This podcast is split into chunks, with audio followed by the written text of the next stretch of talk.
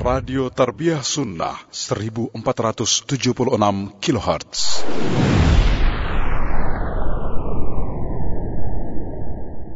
بسم الله الرحمن الرحيم السلام عليكم ورحمة الله وبركاته الحمد لله والصلاة والسلام على رسول الله محمد بن عبد الله وعلى آله وأصحابه ومن والاه ومن تبعهم بإحسان إلى يوم القيامة. وبعد فإن أصدق الحديث كتاب الله وخير الهدي هدي محمد صلى الله عليه وآله وسلم وشر الأمور محدثاتها وكل محدثة بدعة وكل بدعة ضلالة وكل ضلالة في النار. Hadirin jamaah Masjid Agung Al-Ukhwah Bandung yang Allah muliakan Para pendengar Radio Roja Cilengsi untuk Jabodetabek dan sekitarnya, pendengar Radio Tarbiyah Sunnah Bandung, pendengar Radio Albayan di Cianjur, Radio Roja Berau, Radio Roja Lampung, Radio Roja Pontianak dan Tanjung Pinang, Radio RIS di Kebumen, Radio 1 di Lombok, Radio Suara Kolbu di Jayapura, Radio Amuba di Pangkal Pinang, Radio Hidayah di Pekanbaru, dan radio-radio lain yang ikut menyiarkan acara kajian kita ini juga pemirsa Roja TV di mana saja Anda berada. Alhamdulillah sore ini kembali kita berjumpa. Kajian kita tentang Al-Qaul Mufid Ta'liq ala Kitab Tauhid susunan Syekh Al-Utsaimin alaih sudah selesai membahas bab terakhir tentang dahsyatnya keagungan Allah. Kita teruskan kajian tauhid kita dengan berpindah kepada kitab lain yang tidak kalah bernilainya yaitu Al-Irsyad ila Sahihil I'tiqad.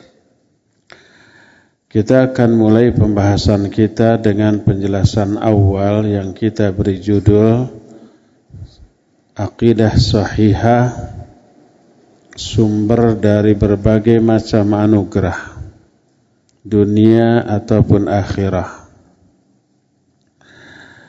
Aqidah Islamiyah adalah intisari ajaran para rasul.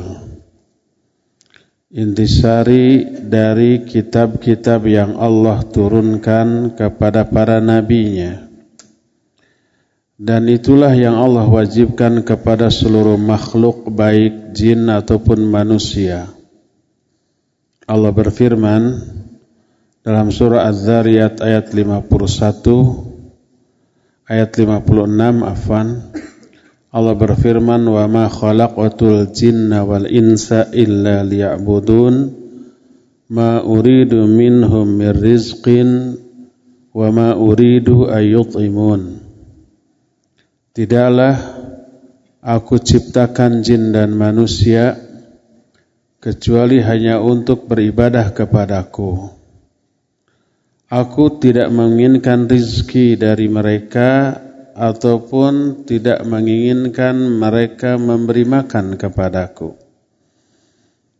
Jadi Allah menciptakan jin dan manusia itu agar jin dan manusia beribadah kepada Allah dan makna ibadah adalah tauhid, mengesahkan Allah Azza wa Jalla. Dan ini merupakan inti dari akidah al-Islamiyah. Dalam ayat lain surah Al-Isra ayat 23 Allah berfirman wa qadha rabbuka alla ta'budu illa iyyah dan Rabbmu telah menetapkan agar kalian tidak beribadah kepada apa pun kecuali hanya kepada Allah. Jadi selaras antara ayat ini dengan ayat tadi. Hanya beribadah kepada Allah dan mengandung makna hanya.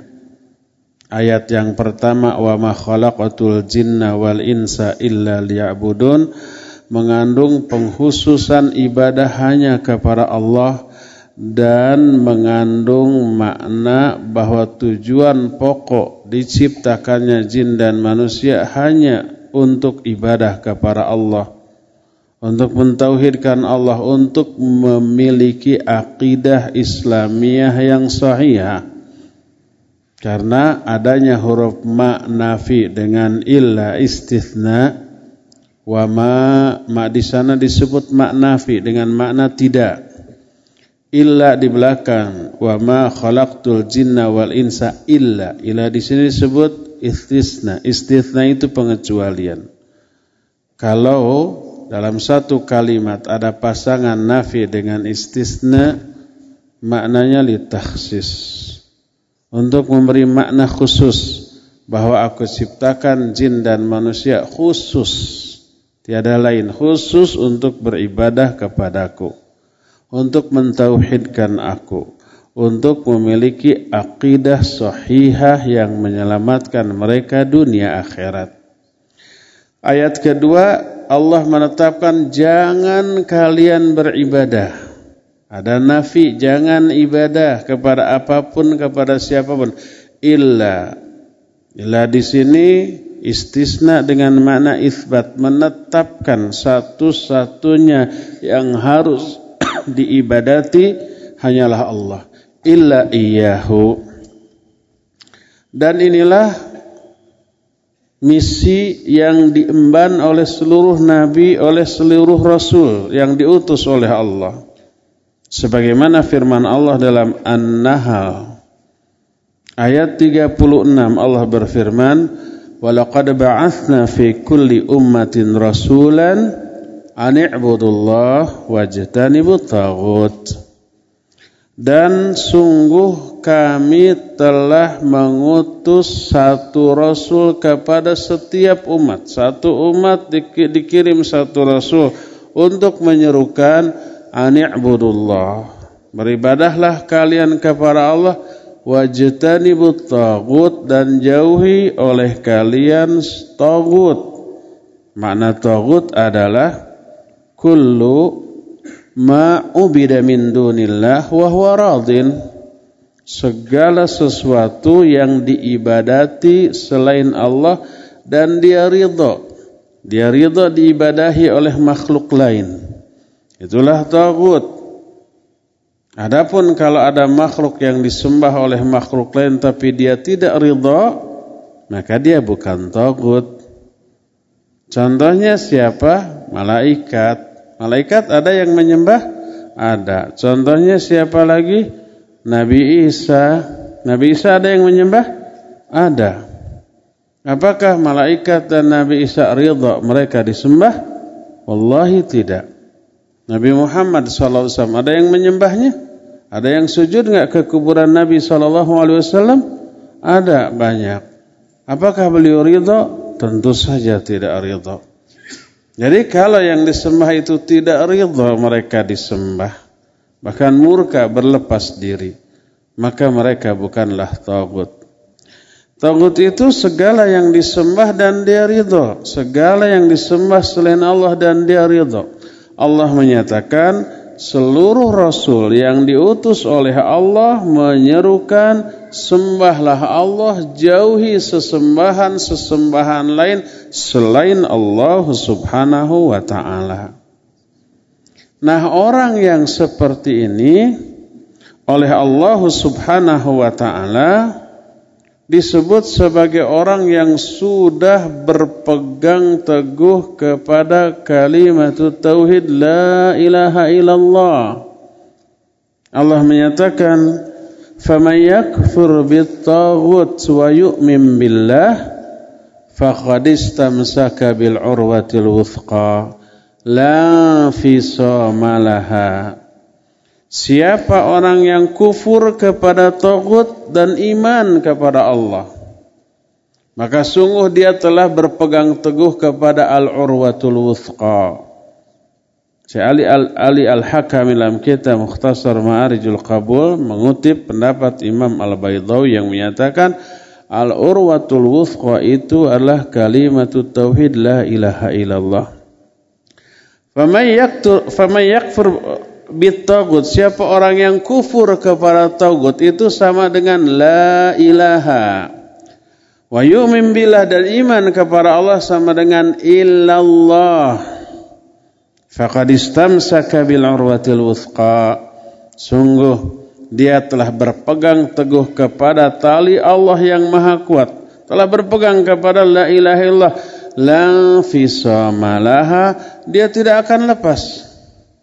Selama dia kufur kepada Togut dan iman kepada Allah. Selama dia mengaplikasikan la ilaha tidak menyembah sesembahan-sembahan lain apa pun bentuk sembah, eh, bentuk penyembahannya itu ilallah kecuali hanya kepada Allah. Selama itu dipegang, selama itu mereka tidak lepas dari al-urwatul wuthqa.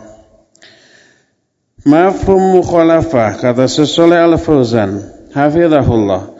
Wa ma'na dhalik anna man aflata yadahu min hadhihi al-aqidah fa innahu yakunu mumsikan bil awham wal batil fama ba'dal haqq illa ad-dhalal.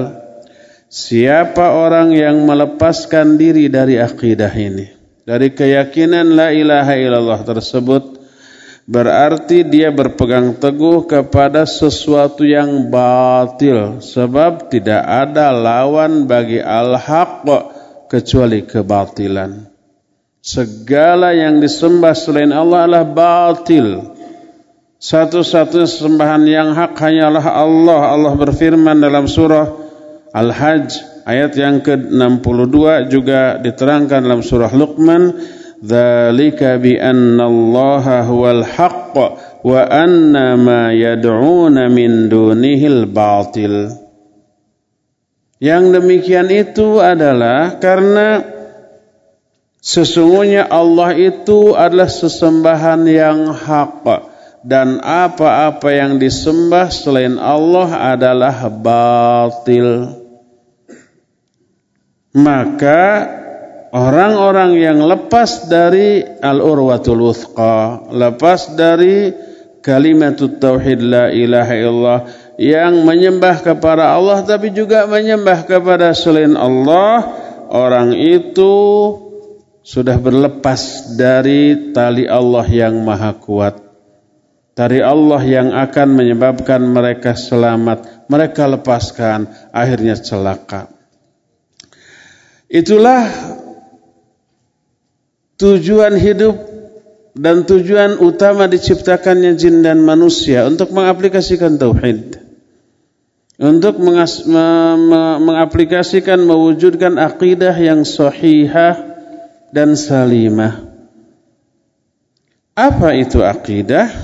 Akidah adalah ma yusaddiquhul amdu wa yadinu bihi. Akidah adalah apa yang diyakini oleh manusia dan dia berakidah di atas dan dia beragama di atas keyakinan itu. Ini makna akidah secara umum apa yang diyakini oleh manusia dan dia beragama di atas keyakinan itu. Maksud beragama itu seluruh konsep hidupnya didasarkan kepada keyakinan tadi.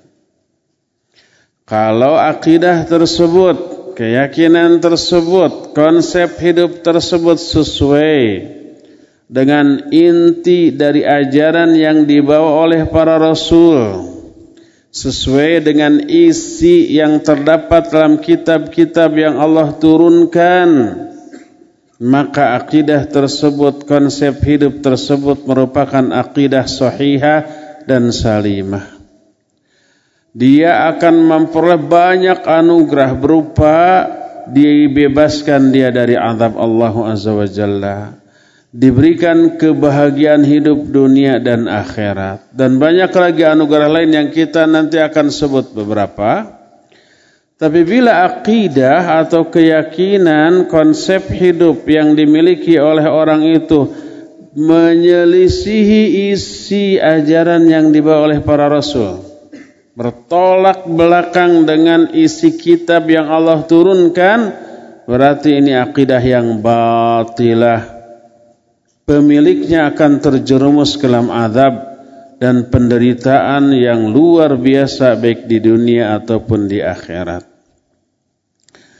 Apa saja anugerah yang Allah berikan karena akidah yang sahihah dan salimah. Pertama, orang tersebut terpelihara hartanya dan darahnya dunia dan akhirat.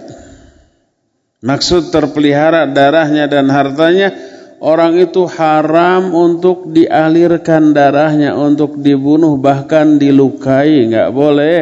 Disinggung aja perasaannya nggak boleh, dinodai kehormatannya, digibahi, ya dihina, dicaci, diberi lakab-lakab atau gelar-gelar buruk yang menyinggung perasaannya, disuudhani itu enggak boleh. Terpelihara kehormatan mereka, apalagi darah mereka, termasuk juga harta mereka. Ayat yang menyatakan la yaskhar qaumun min qaumin asa ayyakunu khairan minhum. Janganlah satu kaum menghina kaum yang lain sebab boleh jadi yang dihina lebih baik daripada yang menghina. Kaum yang dimaksudlah kaum muslimin. Ya ayuhalladzina amanu la yaskhar qaumun min qaumin. Orang yang sudah tertanam akidah kalimat tauhid la ilaha illallah. Enggak boleh dihina. Wala talmizu anfusakum wala tanabazu bil alqab. Ijtanibu katsiran min adh-dhann inna ba'da adh-dhanni itham. Wala tajassasu wala yaghtab ba'dukum ba'da itu menyangkut kehormatan seorang yang sudah memiliki akidah yang sahih. Haram semuanya. Darahnya haram untuk dialirkan hartanya haram untuk diambil kehormatannya juga haram untuk dihinakan dan disakiti. Rasul sallallahu alaihi wasallam bersabda Umirtu an uqatilan nas hatta yaqulu la ilaha illallah Faidha qaluha usimu minni dima'ahum wa amwalahum illa bihaqqiha. Aku diperintahkan untuk memerangi manusia sampai mengata, mereka mengatakan la ilaha illallah. Kalau mereka sudah mengatakan kalimat tauhid sudah tertanam akidah yang benar dalam jiwanya, terpeliharalah darah mereka, harta mereka dari aku. Nggak boleh darahnya dialirkan, nggak boleh hartanya dirampas. Illa bihaqqiha. Kecuali dengan haknya. Kecuali dengan alasan yang benar. Seperti adanya kisos, seperti adanya hukuman bagi tindak kejahatan tertentu yang harus dialirkan darahnya, atau dengan alasan-alasan syar'i lainnya. Hadis tersebut sahih diriwayatkan oleh Imam Bukhari dan Imam Muslim dalam dua kitab sahihnya. Dalam hadis lain Rasul alaihi salatu wasallam bersabda, "Man qala la ilaha illallah wa kafara bima yu'badu min dunillah, haruma maluhu wa dammuhu wa hisabuhu 'ala Allah azza wa jalla." Rawahu Muslim. Siapa orang yang mengatakan la ilaha illallah Terus dia kufur kepada seluruh sesembahan selain Allah. Karena konsekuensi dari ucapan la ilaha illallah itu nggak boleh nyembah yang lain-lain kecuali hanya Allah, nggak boleh ibadah kepada yang lain-lain kecuali hanya kepada Allah. Harus kufur kepada sembahan lain, kufur kepada tagut. Siapa yang telah mengatakan la ilaha illallah dan dia kufur kepada semua sesembahan selain Allah, haramlah hartanya dan darahnya dan hisabnya tanggungan Allah Subhanahu wa taala. Hadis ini sahih diriwayatkan oleh Imam Muslim yang menunjukkan salah satu anugerah dari akidah adalah terpelihara darahnya, hartanya dan kehormatannya. Enggak boleh diganggu, enggak boleh disakiti, enggak boleh disinggung perasaannya. Yang pertama, Kedua, akan menyelamatkan dari azab di akhirat. Kalau tadi di dunia, selamat dia. Nggak boleh diganggu gugat. dengan gangguan sekecil apa pun. Nah, di akhirat selamat dari azab. Sebagaimana sabda Nabi Ali salatu wassalam yang diriwayatkan oleh Imam Muslim dari Jabir radhiyallahu an berkata Nabi alaihi salatu wassalam Man laqiya Allah la yushriku bihi syai'a dakhala al-jannah wa man laqiyahu yushriku bihi dakhala an-nar Siapa orang yang bertemu dengan Allah dalam keadaan dia tidak menyekutukan Allah dengan apa pun dengan sesuatu pun tidak menyekutukan Allah dengan para malaikat ke Allah nyembah ke malaikat juga menyembah enggak tidak menyekutukan Allah dengan para nabi, para rasul, dengan para wali baik yang masih hidup ataupun yang sudah meninggal, apalagi dengan para jin gitu. Tidak menyekutukan Allah dengan suatu pun, dia bertemu dengan Allah dalam keadaan tidak menyekutukan Allah dengan suatu pun dakhalal jannah. Dia akan masuk ke dalam surga. Sebaliknya siapa yang bertemu dengan Allah dalam keadaan dia menyekutukan Allah dengan suatu pun dakhalan nar dia akan masuk neraka. Sekalipun amal di luar syiriknya begitu besar dan banyak. Dia umpah sholatnya jangankan yang fardu, yang sunnah pun tidak ada yang kelewat. Saumnya jangankan Ramadan seluruh saum-saum sunnah tidak pernah ada yang kelewat Al-Quran minimal satu hari satu juz tamat sehingga setiap 30 hari dia selesai menghatamkan Al-Quran. Infak sodakohnya tidak pernah berhenti setiap saat. Tapi dia menyembah kepada Allah tapi juga menyembah kepada selain Allah. Beribadah kepada selain Allah maka dia bertemu dengan Allah dalam keadaan menyekutukan Allah dia akan masuk ke dalam neraka. Seluruh ibadah-ibadah yang dilakukannya itu gugur dihapus oleh Allah. Jangankan orang biasa, bahkan Nabi Muhammad wassalam, orang yang ibadahnya nggak ada yang bisa menandinginya, lahirnya batinnya, kualitasnya ya juga kuantitasnya. Setiap detik dari kehidupannya itu hanya pahala, pahala, pahala, kebaikan, kebaikan, kebaikan. Pahalanya nggak ada yang bisa menandinginya. Tapi sekali beliau umpamanya berbuat syirik, hapus seluruh amal kebaikannya sebagaimana firman Allah la in asyrakta la yahbatanna amaluk kalau engkau hai Muhammad berbuat syirik, pasti akan gugur terhapus seluruh amal kebaikanmu tuh. Jadi amal kebaikan segede dan sebesar apa pun nggak ada manfaatnya kalau disertai dengan menyekutukan Allah. Ancamannya neraka Allah menyatakan wa man laqiyahu yusyriku bihi nar. Siapa yang berjumpa dengan Allah dalam keadaan dia sedang menyekutukan Allah, maka dia akan masuk ke dalam neraka. Dalam hadis riwayat Imam Bukhari dan Imam Muslim dari Itban bin Malik. Itban bin Malik menyatakan bahwa Nabi alaihi salatu wasallam bersabda, fa inna allaha qad harrama 'alan nari man qala la ilaha illallah yabtaghi bidzalika wajhallah.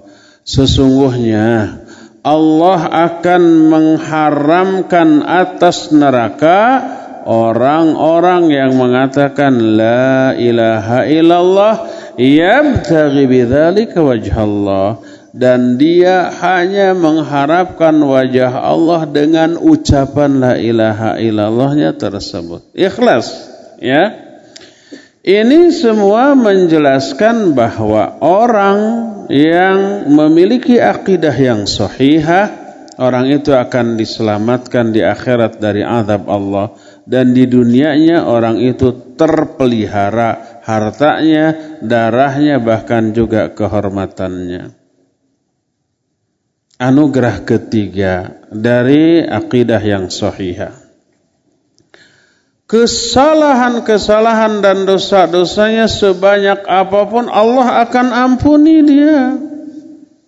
Walaupun dosa itu memenuhi langit dan bumi, andai dosa ini berwujud, kita sudah nggak bisa gerak. Saking penuhnya ini langit dan bumi dengan dosa manusia. Orang yang bertauhid, sehebat apa pun tauhidnya nggak ada yang maksum. Kullu bani Adam khatta'un wa khairul khatta'in atawabun. Setiap bani Adam itu pasti berbuat salah. Tapi sebaik-baik orang yang berbuat salah adalah yang apa? Yang tobat dari kesalahannya. Orang yang bertakwa itu bukan orang yang tidak pernah bersalah, nggak ada. Nggak ada yang masum. Coba lihat salah satu ciri orang bertakwa dalam Al-Quran. Walladzina idha fa'alu fahishatan aw zalamu anfusahum dzakarullaha fastaghfaru lidzunubihim wa may yaghfiru dzunuba illallah wa lam yusirru ala ma fa'alu wa hum ya'lamun. Orang takwa itu adalah orang yang apabila mereka terjerumus dalam dosa besar, mereka berbuat fahisyah berbuat keji atau zalim kepada diri sendiri, mereka cepat ingat kepada Allah dan minta ampun atas dosa-dosanya. Dan mereka tidak terus-menerus dalam dosanya tersebut. Jadi, tidak ada manusia yang tidak berdosa. Nah, termasuk ahli tauhid, mungkin mereka berdosa, ya sangat mungkin namanya manusia, tapi karena keutamaan tauhid, keutamaan akidah sahihah yang salimah menyebabkan dosa dan kesalahan mereka dihapus. Sebagaimana diterangkan dalam banyak hadis. Salah satunya adalah hadis yang diriwayatkan oleh Imam At-Tirmidzi, lalu Imam At-Tirmidzi menghasankan hadis ini. Diterima dari Anas radhiyallahu an. Kata Anas, Aku mendengar Rasul alaihi salatu wasallam bersabda, Qala Allah Ta'ala Allah berfirman. Ini hadis apa namanya? Hadis Qudsi. Apa kata Allah? Ya bena Adam, innaka law ataitani biqurabil ardi khataya thumma laqiyani thumma laqitani la tusyriku bihi la tusyriku bi syai'a lataituka biqurabiha maghfiratan kata Allah hai bani Adam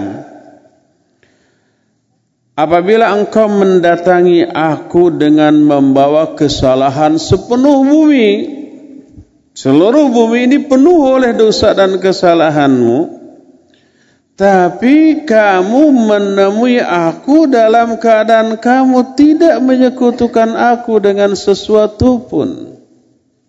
Tidak berbuat syirik, akidahnya lurus. Maka aku pasti akan mendatangi kamu dengan membawa ampunan sepenuh bumi pula. Lunas, terhapus tuh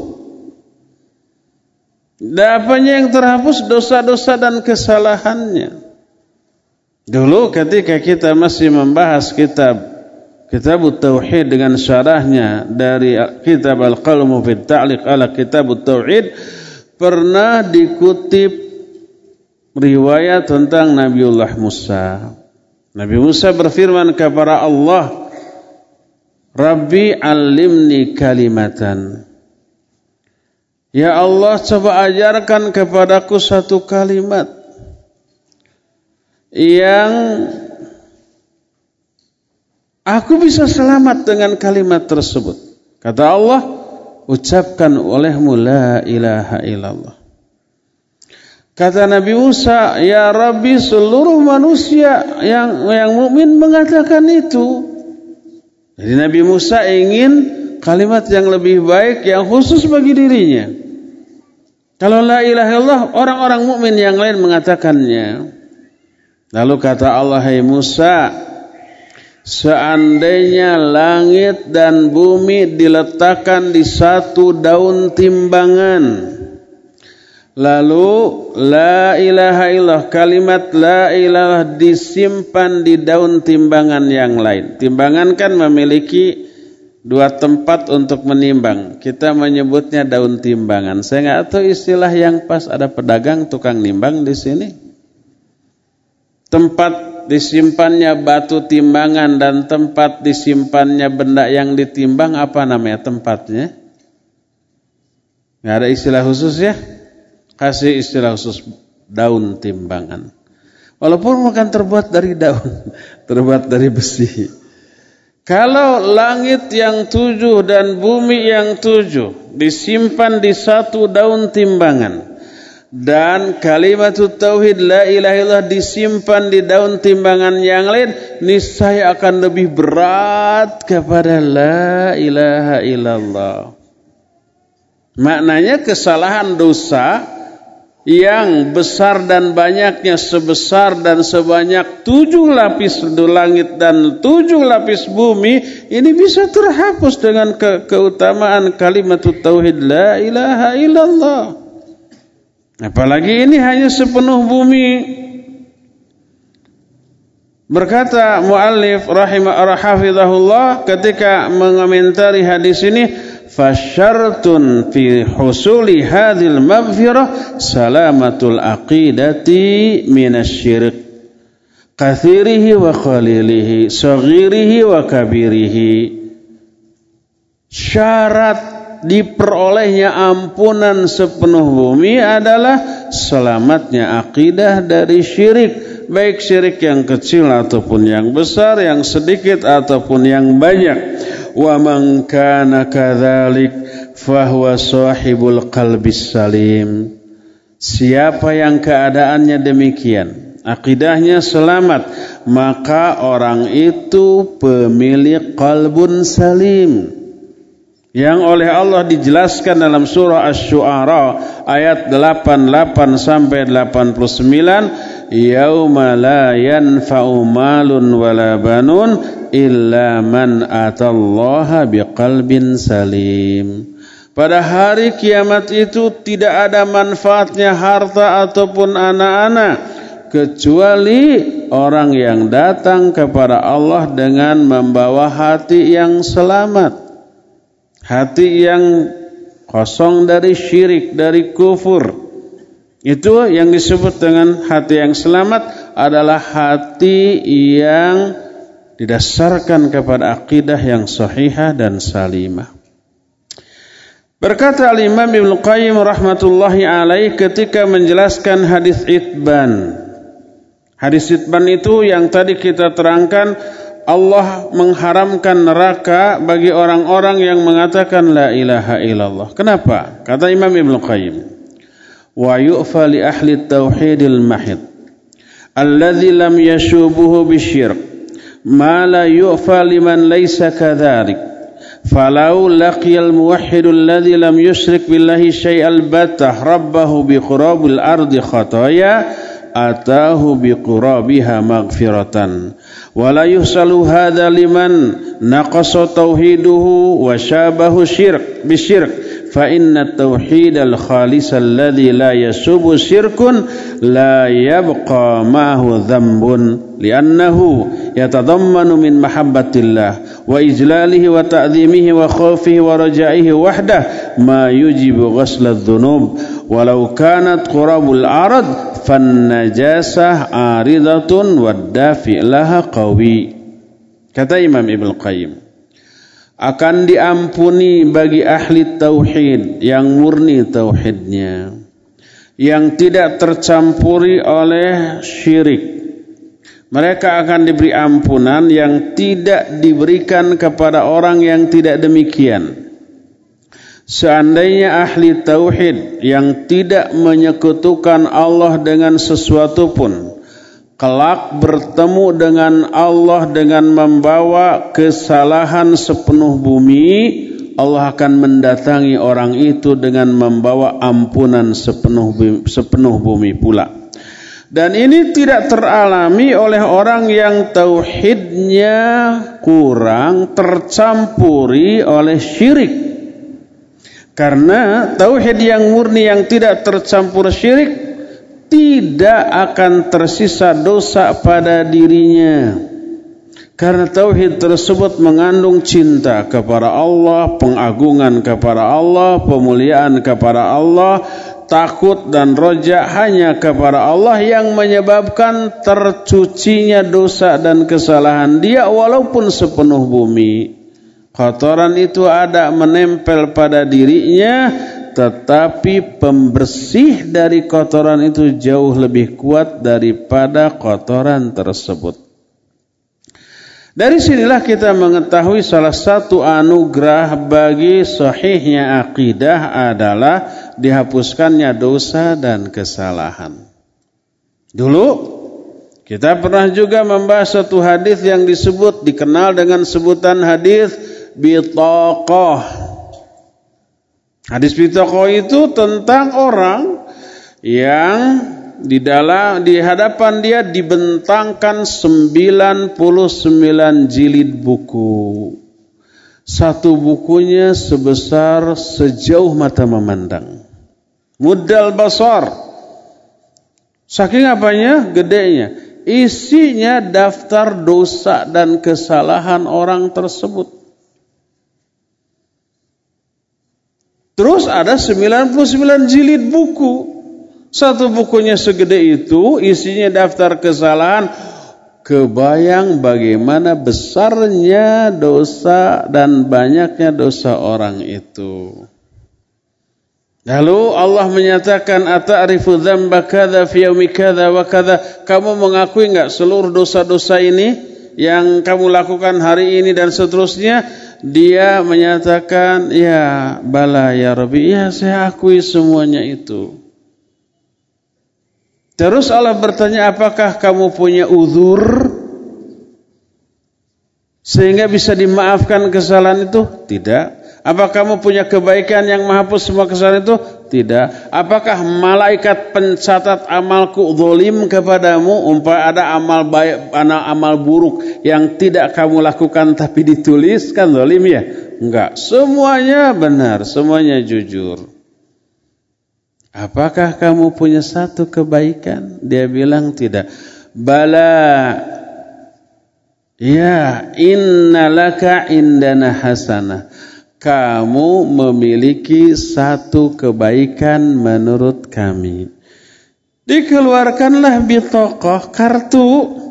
Di dalamnya tertulis Asyhadu an la ilaha illallah wa asyhadu anna Muhammadar Rasulullah. Orang itu bertanya, "Ya Allah, apa 99 jilid buku ini dan apa kartu ini?" Kata Allah, "La tudlamul yauma." Pada hari ini kamu tidak akan dizalimi, akan diperlakukan secara adil. Yuk kita timbang antara kartu ini dengan 99 jilid buku tadi. Yang namanya kartu pasti kecil ya disimpan itu kartu di satu daun timbangan isi kartu itu kalimat tauhid la ilaha illallah dan 99 jilid buku yang besar yang berisi daftar kesalahan dia disimpan di daun timbangan yang lain. Fatoshatis sijilat wathaq wathaqulatil bitaqah ringanlah itu 99 jilid buku dan beratlah si kartu yang berisi kalimat tauhid.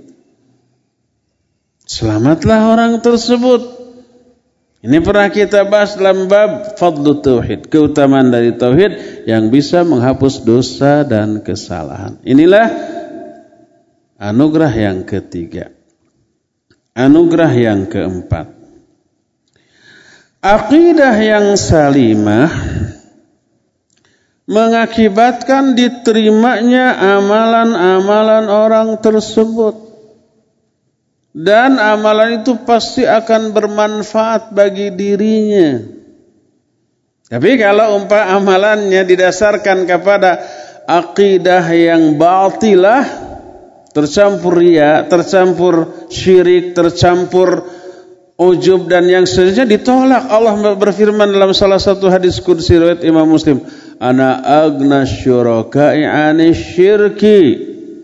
Faman amila amalan asyraka fihi ma'i ghairi taraktuhu wa syirkahu. Aku ini adalah zat yang paling tidak membutuhkan saingan, tidak membutuhkan sekutu.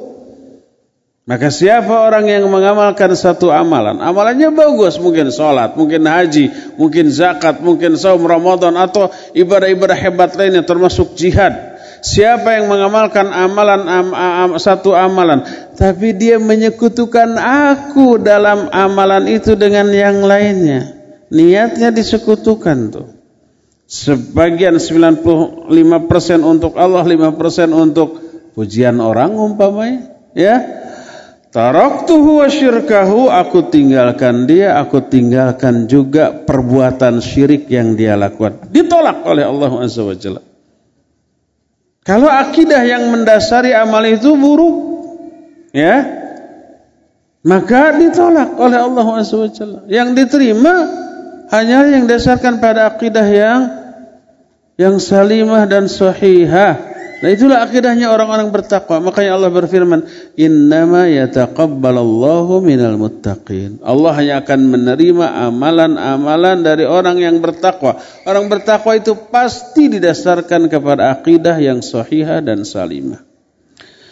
Allah berfirman dalam surah An-Nahl ayat 92. Kata Allah, Man amila salihan min dzakarin aw untha wa huwa mu'min falanuhyiyannahu hayatan thayyibah wa lanajziyannahum ajrahum bi ahsani ma kanu ya'malun. Kata Allah siapa orang yang melakukan amalan yang soleh baik laki ataupun perempuan wahwa mukmin ini yang disebut dengan akidah. Dan dia iman. Amal solehnya dilandasi oleh iman. Ini akidah. Iman yang benar yang hanya mentauhidkan Allah azza wajalla yang dasarkan kepada akidah yang sahih. Siapa orang yang beramal soleh baik laki ataupun perempuan, ikhwan ataupun akhwat dan dia mukmin, apa kata Allah? Falanuhyiyannahu hayatan thayyibah pasti kami akan memberikan kepada orang itu kehidupan yang baik di dunia plus di akhirat. Terus Allah menyatakan wala najziyannahum ajrahum bi ahsani ma kanu ya'malun. Dan kami akan berikan kepada mereka ganjaran mereka karena amal baik yang dahulu mereka lakukan ketika di dunia. Allah terima amalan itu dan Allah berikan kehidupan yang baik di dunia ataupun dia di akhirat. Dan banyak lagi anugerah-anugerah lainnya yang Allah akan berikan kepada orang-orang yang memiliki akidah yang sahihah dan salimah. Sekarang sebaliknya. Orang yang akidahnya terkotori oleh syirik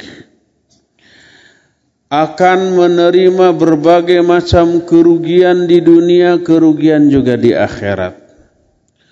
Rugi lahirnya, rugi batinnya. Di antara kerugian-kerugian tersebut adalah pertama, seluruh amal-amal baiknya Allah hapus seluruh ibadah dan amal soleh yang pernah dilakukannya Allah delete Allah akan tolak dan tidak akan terbawa sampai ke akhirat. Karena kerusakan akidahnya baik karena syirik. Jangankan syirik besar ya syirik kecil berupa ria juga menyebabkan ibadah yang hebat tersebut tertolak ya Fawailul lil musallin. Celaka tuh orang yang sholat. Padahal sholat itu ibadah yang agung, rukun Islam kedua. Tapi sholat yang gimana? Salah satunya alladzina hum yura'un yang ria. Itu syirik kecil dan itu kerusakan akidah, bukan syirik besar. Apalagi kalau syirik besar. Hapus seluruh amalnya, bukan hanya terhapus sholatnya aja, bukan hanya terhapus amalan-amalan yang disertai dengan riaknya saja. Semua amalan yang ikhlas yang pernah dilakukannya, lalu suatu saat dia terjemus dalam syirik, seluruh amalan tadi itu terhapus. Allah berfirman dalam Al-Quran. Pertama dalam surah Az-Zumar ayat 65 Allah berfirman, "Walaqad uhiya ilaika" wa ilal ladzina min qablika lain asyrakta la yahbatanna amaluk wa la takunanna minal khasirin. Kata Allah azza wa jalla sungguh telah diwahyu telah aku wahyukan kepada engkau hai Muhammad. Juga kepada para rasul sebelum engkau bahwa apabila engkau berbuat syirik sudah rusak akidah maka akan gugurlah dihapuslah seluruh amalmu dan pasti kamu akan termasuk golongan orang yang merugi. Lihat, amal Nabi SAW kurang gimana ikhlas, kurang gimana khusyuk, kurang gimana hebat, kurang gimana banyak. Tidak ada yang menandingi.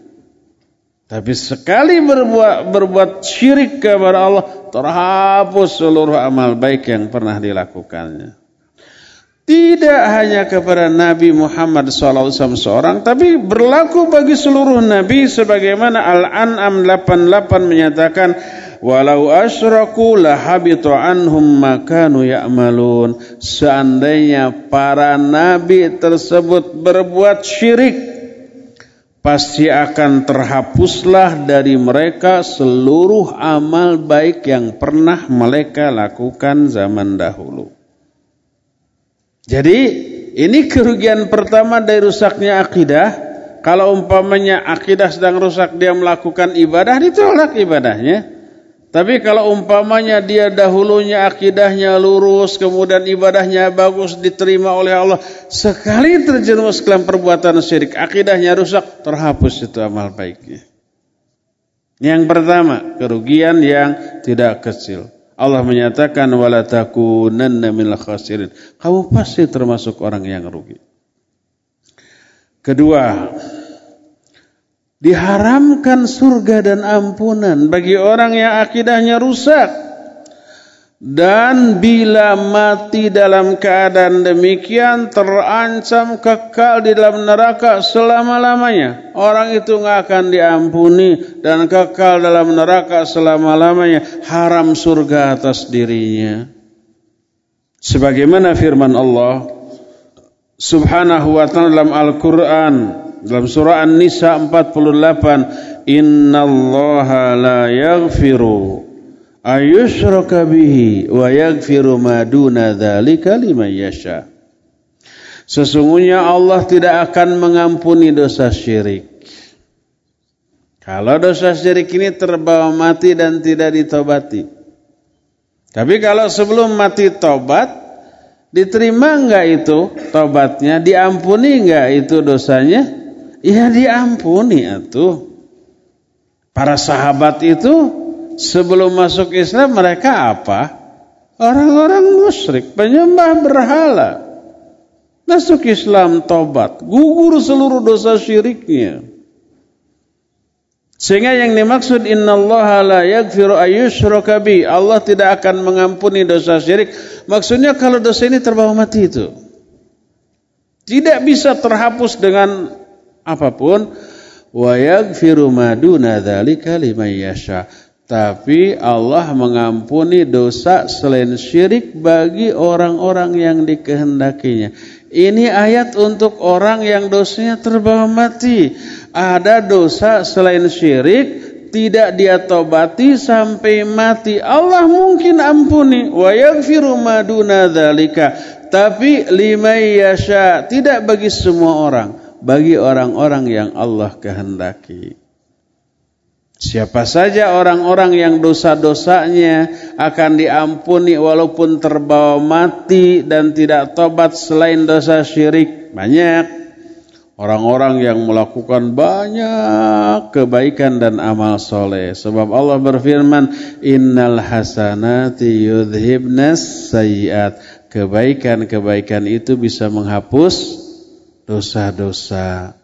Infak dan sodakoh menghapus dosa ya. Musibah-musibah yang Allah berikan dan dia sabar itu juga menghapus dosa. Dan banyak lagi. Tidak semua orang tapi hanya orang-orang yang Allah kehendaki. Juga dalam Al-Maidah ayat 72 Allah berfirman innahu may yusyrik billah faqad harramallahu alaihi jannah wa ma'wahu nar wa ma lidh-dhalimin min ansar sesungguhnya siapa orang yang syirik kepada Allah sungguh telah har Allah telah mengharamkan surga atas dirinya tempatnya adalah neraka dan tidak ada seorang penolong pun bagi orang-orang dolim seperti itu. Jadi efek buruk dari rusaknya akidah adalah diharamkannya surga atas dirinya dan diharamkannya magfirah atau ampunan bagi orang tersebut. Berikutnya akidah yang rusak baik itu syirik ataupun kufur itu mengakibatkan halalnya harta dan darah mereka yang mereka miliki selama di dunia. Boleh diperangi boleh dialirkan darahnya boleh dirampas hartanya sebagai harta rampasan perang kalau mereka melawan terjadi peperangan atau kalau mereka menyerah disebutnya fa'i. Sebagaimana firman Allah Azza wa Jalla dalam banyak ayat di antaranya surah Al-Anfal ayat yang ke-39.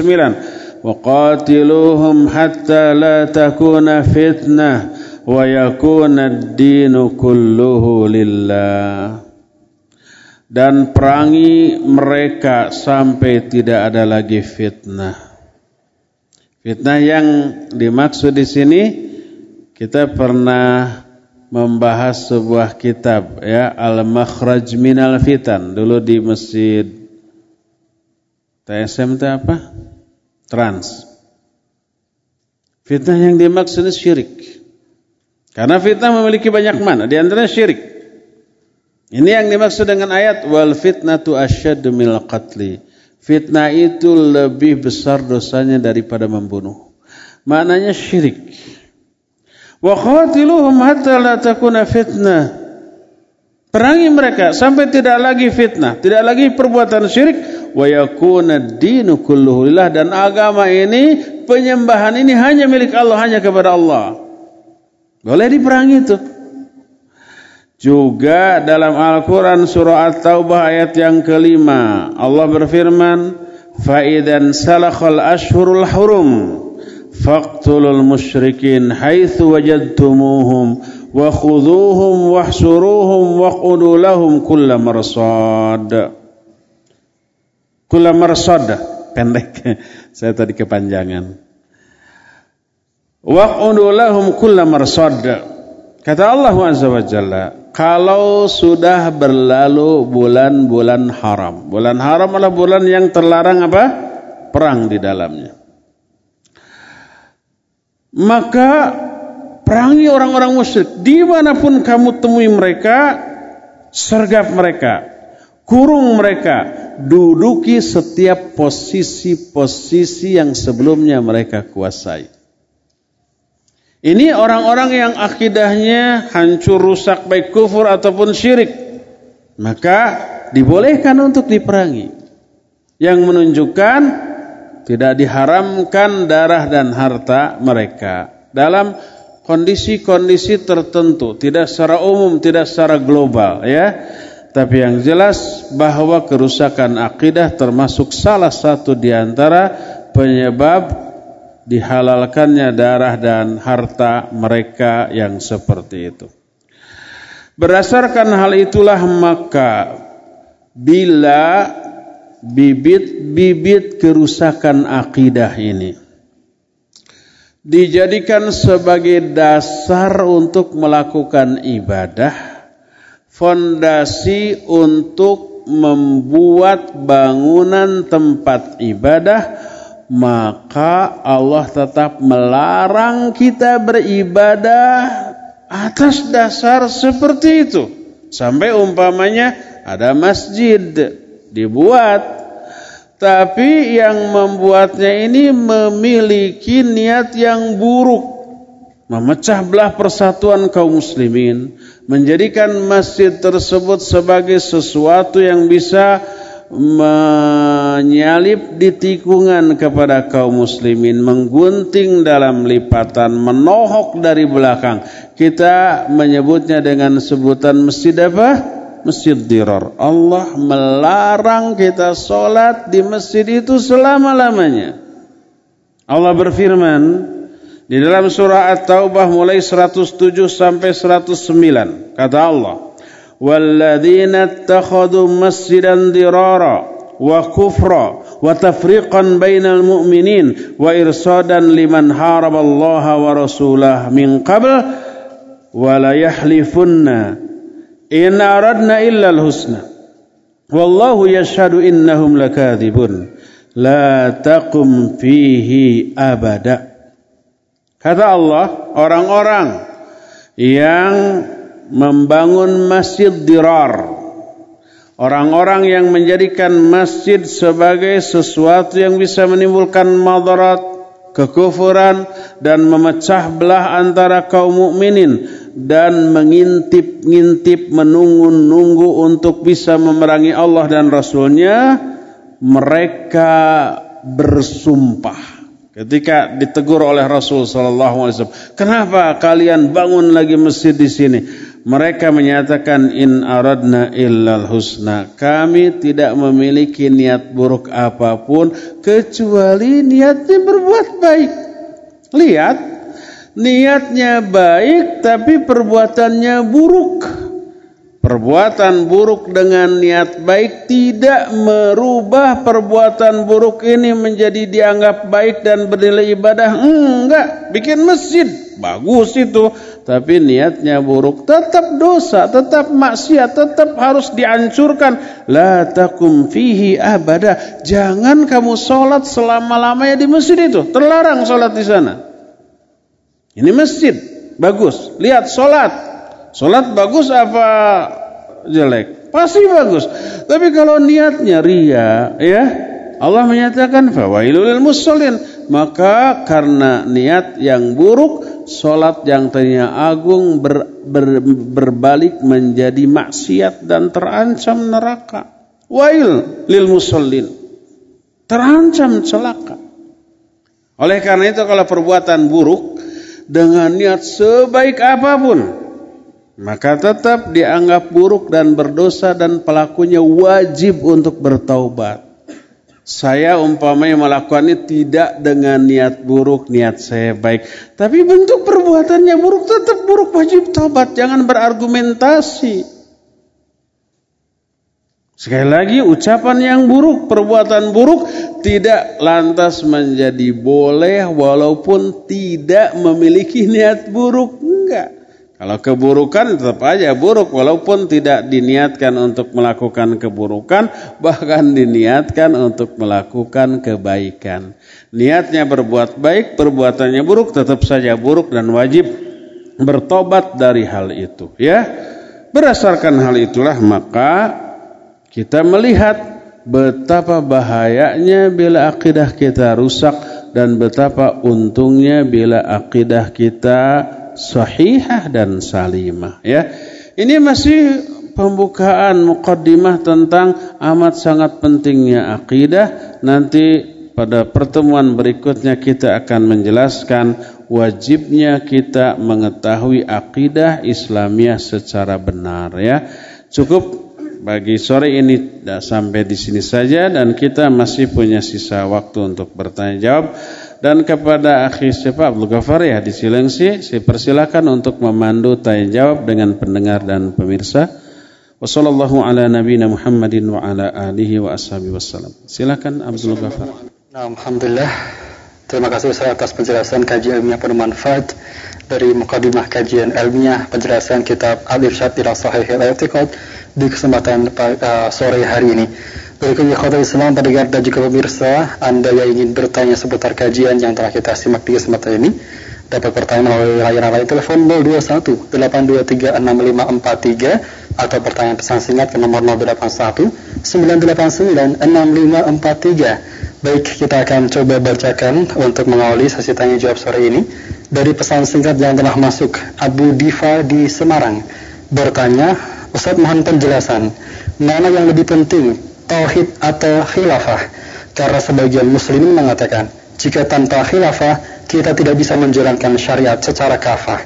Barakallahu fikum atas nasihatnya Ustaz. Iya, barakallahu fiq Abu Diva di Semarang ya. Mana yang lebih penting tauhid apa khilafah? Tentu saja tauhid. Tauhid itu disebut aham syai. Perkara yang paling penting dalam kehidupan seluruh makhluk di alam jagat raya.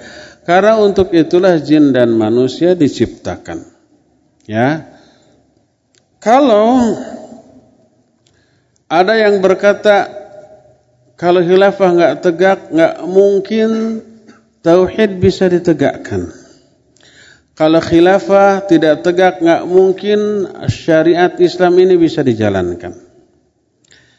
Maka kita jawab sebelum Nabi Shallallahu Alaihi Wasallam hijrah ke Madinah, Ketika masih di Mekah 13 tahun dalam keadaan masih lemah Tauhid sudah ditegakkan terlebih dahulu. Karena itu fondis, fondasi bagi semua amal Termasuk fondasi bagi khilafah Islamiyah. Yang pertama kali Nabi dakwahkan apakah khilafah, kekuasaan Aspek politik lebih dikedepankan? Tidak, Tauhid, La ilaha illallah. Coba dua kalimat syahadat ada nggak yang berisi keharusan me, me, menegakkan khilafah Islamnya enggak tauhid la ilaha illallah dan Muhammad Rasulullah. Nah, khilafah ini anugerah dari Allah bagi orang-orang yang bertauhid. Mustahil khilafah tegak tanpa tegaknya tauhid. Pernah enggak khilafah tegak tapi tauhidnya tidak? Ya, pernah. Di, zaman orang-orang Mu'tazilah berkuasa di tiga uh, masa pemerintahan Mu'tasim billah, Muwathiq billah ya.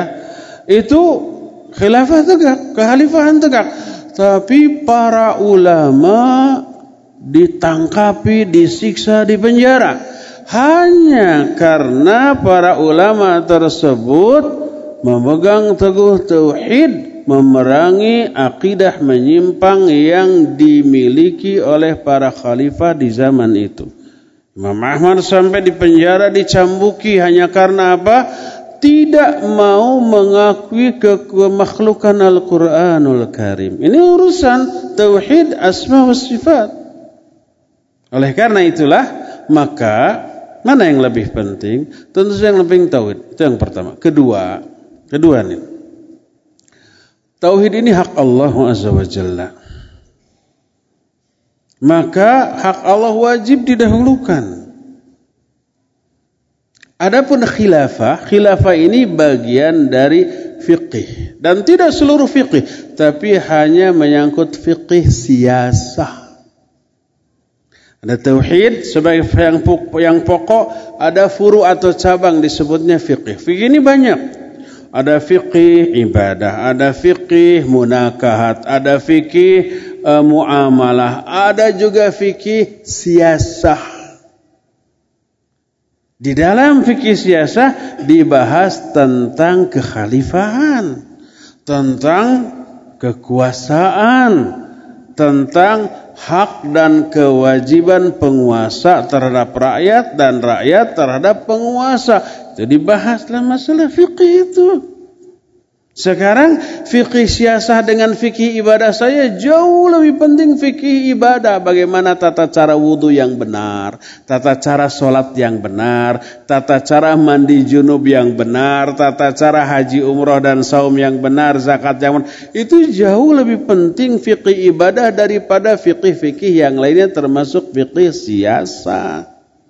Apalagi dengan tauhid maka tidak bisa dibandingkan. Dari situlah maka kita mengetahui bahwa tauhid akidah karena itu fondasi bagi bangunan agama dalam diri kita maka itu jauh lebih penting daripada khilafah. Maka mempertanyakan mana yang lebih penting tauhid ataukah khilafah? Coba jawab. Mana yang lebih penting? Fondasi dalam sebuah rumah bangunan atau pagar? Mending pagar, mending fondasi. Mana yang lebih penting? Ya fondasi. Kalau fondasi tidak ada digali, runtuh ini bangunan. Kalau pagar tidak ada, masih bangunan ini akan akan akan berdiri ya. Wallahu alam bisawab. Silakan lagi. Jazakumullahu khairan atas jawaban yang telah disampaikan. Sebelum kita bacakan kembali pertanyaan pesan singkat yang cukup banyak masuk di sore hari ini. Kita akan menyapa pula para pedagang maupun pemirsa yang ingin bertanya secara langsung. Silakan di 0218236543. Baik. Halo. Halo, Assalamualaikum. Waalaikumsalam warahmatullahi wabarakatuh. Dengan siapa dari mana? Dari Amin, Bintang Kalimantan Barat. Kalimantan Barat. Bapak Amin, silakan. Ya, ini mau nanya, Ustaz jadi mau tanya, uh, besok pagi itu ada gerhana bulan. Uh, pertanyaan saya, berapa kali tasbih yang dibaca waktu rukuk dan sujud? Atau berapa lama, berapa menit gitu loh. Terima kasih, Assalamualaikum. Waalaikumsalam warahmatullahi wabarakatuh. Nah. Abdul Ghafar bisa mengulang nggak uh, pertanyaan tadi? Baik Ustaz, uh, disebutkan bahwa besok akan terjadi gerhana bulan dan dilaksanakan sholat gerhana. Pertanyaan adalah berapa kali waktu uh, berapa kali bacaan yang dibaca ketika sholat atau secara garis besar berapa lama waktu untuk dilaksanakan sholat ini? Barakallahu fikum. Ya, barakallahu fik. Nanti malam ya katanya gerhana bulan. Ya, tapi pertama Salat baik gerhana bulan ataupun gerhana matahari hanya disyariatkan bila kita melihat gerhana tersebut. Adapun kalau tidak melihat baik karena mendung terhalang awan gitu ya. Atau memang gerhana itu ada tapi konon umpai di bawah ufuk sehingga tidak kelihatan. Maka tidak disyariatkan untuk melakukan sholat gerhana tersebut. Tapi kalau posisi gerhana baik bulan atau matahari itu di atas ufuk dan terlihat tidak terhalang awan, tidak terhalang gunung, kita bisa melihat, maka ya disyariatkan bagi kita untuk melakukan sholat gerhana. Bagaimana tata cara sholat gerhana? Sholat gerhana dilakukan empat rokaat dalam dua rokaat. Apa maknanya? Itu istilah dari Aisyah. Rasul sallallahu alaihi wasallam melakukan salat gerhana empat rakaat dalam dua rakaat. Artinya di dalam saat setiap rakaat dilakukan dua kali berdiri dan dua kali ruku. Jadi pertama takbir, takbiratul ihram, baca iftitah, lalu baca Fatihah dan surat yang panjang. Berapa lama panjang sholat itu? Kalau bisa sepanjang selama terjadinya gerhana.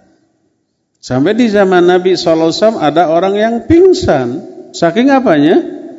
Saking lamanya. Nah, adapun kalau di kita jarang ya. Karena pertama imamnya juga hafalannya terbatas.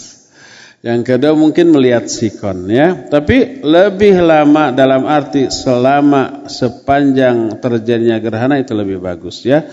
Jadi pertama iftitah, lalu fatihah, lalu baca surat yang panjang, lalu ruku. Panjang rukunya hampir menyerupai panjangnya berdiri tadi. Hampir. Kalau umpah berdirinya sejam, rukunya juga hampir sejam. Lalu bangkit lagi dan sedekap lagi, membaca Fatihah lagi, membaca surat panjang lagi, hanya tidak sepanjang yang pertama tadi. Setelah itu ruku lagi, terus tidak terus sujud seperti biasa. Itu rokaat pertama ada dua ruku. Ada dua ruku, ada dua kali berdiri, dua fatihah dan dua surat. Lalu rokaat kedua lakukan seperti itu. Baca lagi Fatihah, baca surat yang panjang, tapi tidak sepanjang surat yang dibaca di rokaat pertama. Lalu ruku, lalu sami Allahu liman hamidah. Jangan Allahu Akbar. Sami Allahu liman hamidah lalu Fatihah lagi lalu baca lagi surat yang panjang walaupun tidak sepanjang yang tadi ya. Lalu selanjutnya ruku kemudian berdiri lalu sujud seperti biasa dan kemudian tahiyat.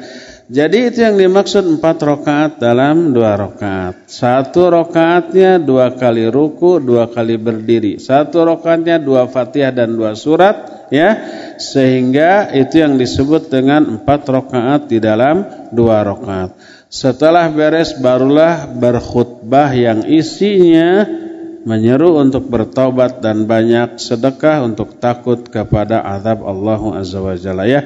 Demikian ringkasnya tata cara salat gerhana wallahu alam bisawab. Ya. Dan waktu yang kita miliki juga sudah habis. Kita cukupkan kajian kita di sore hari ini sampai di sini. Insya Allah kita akan lanjut di hari Jumat yang akan datang.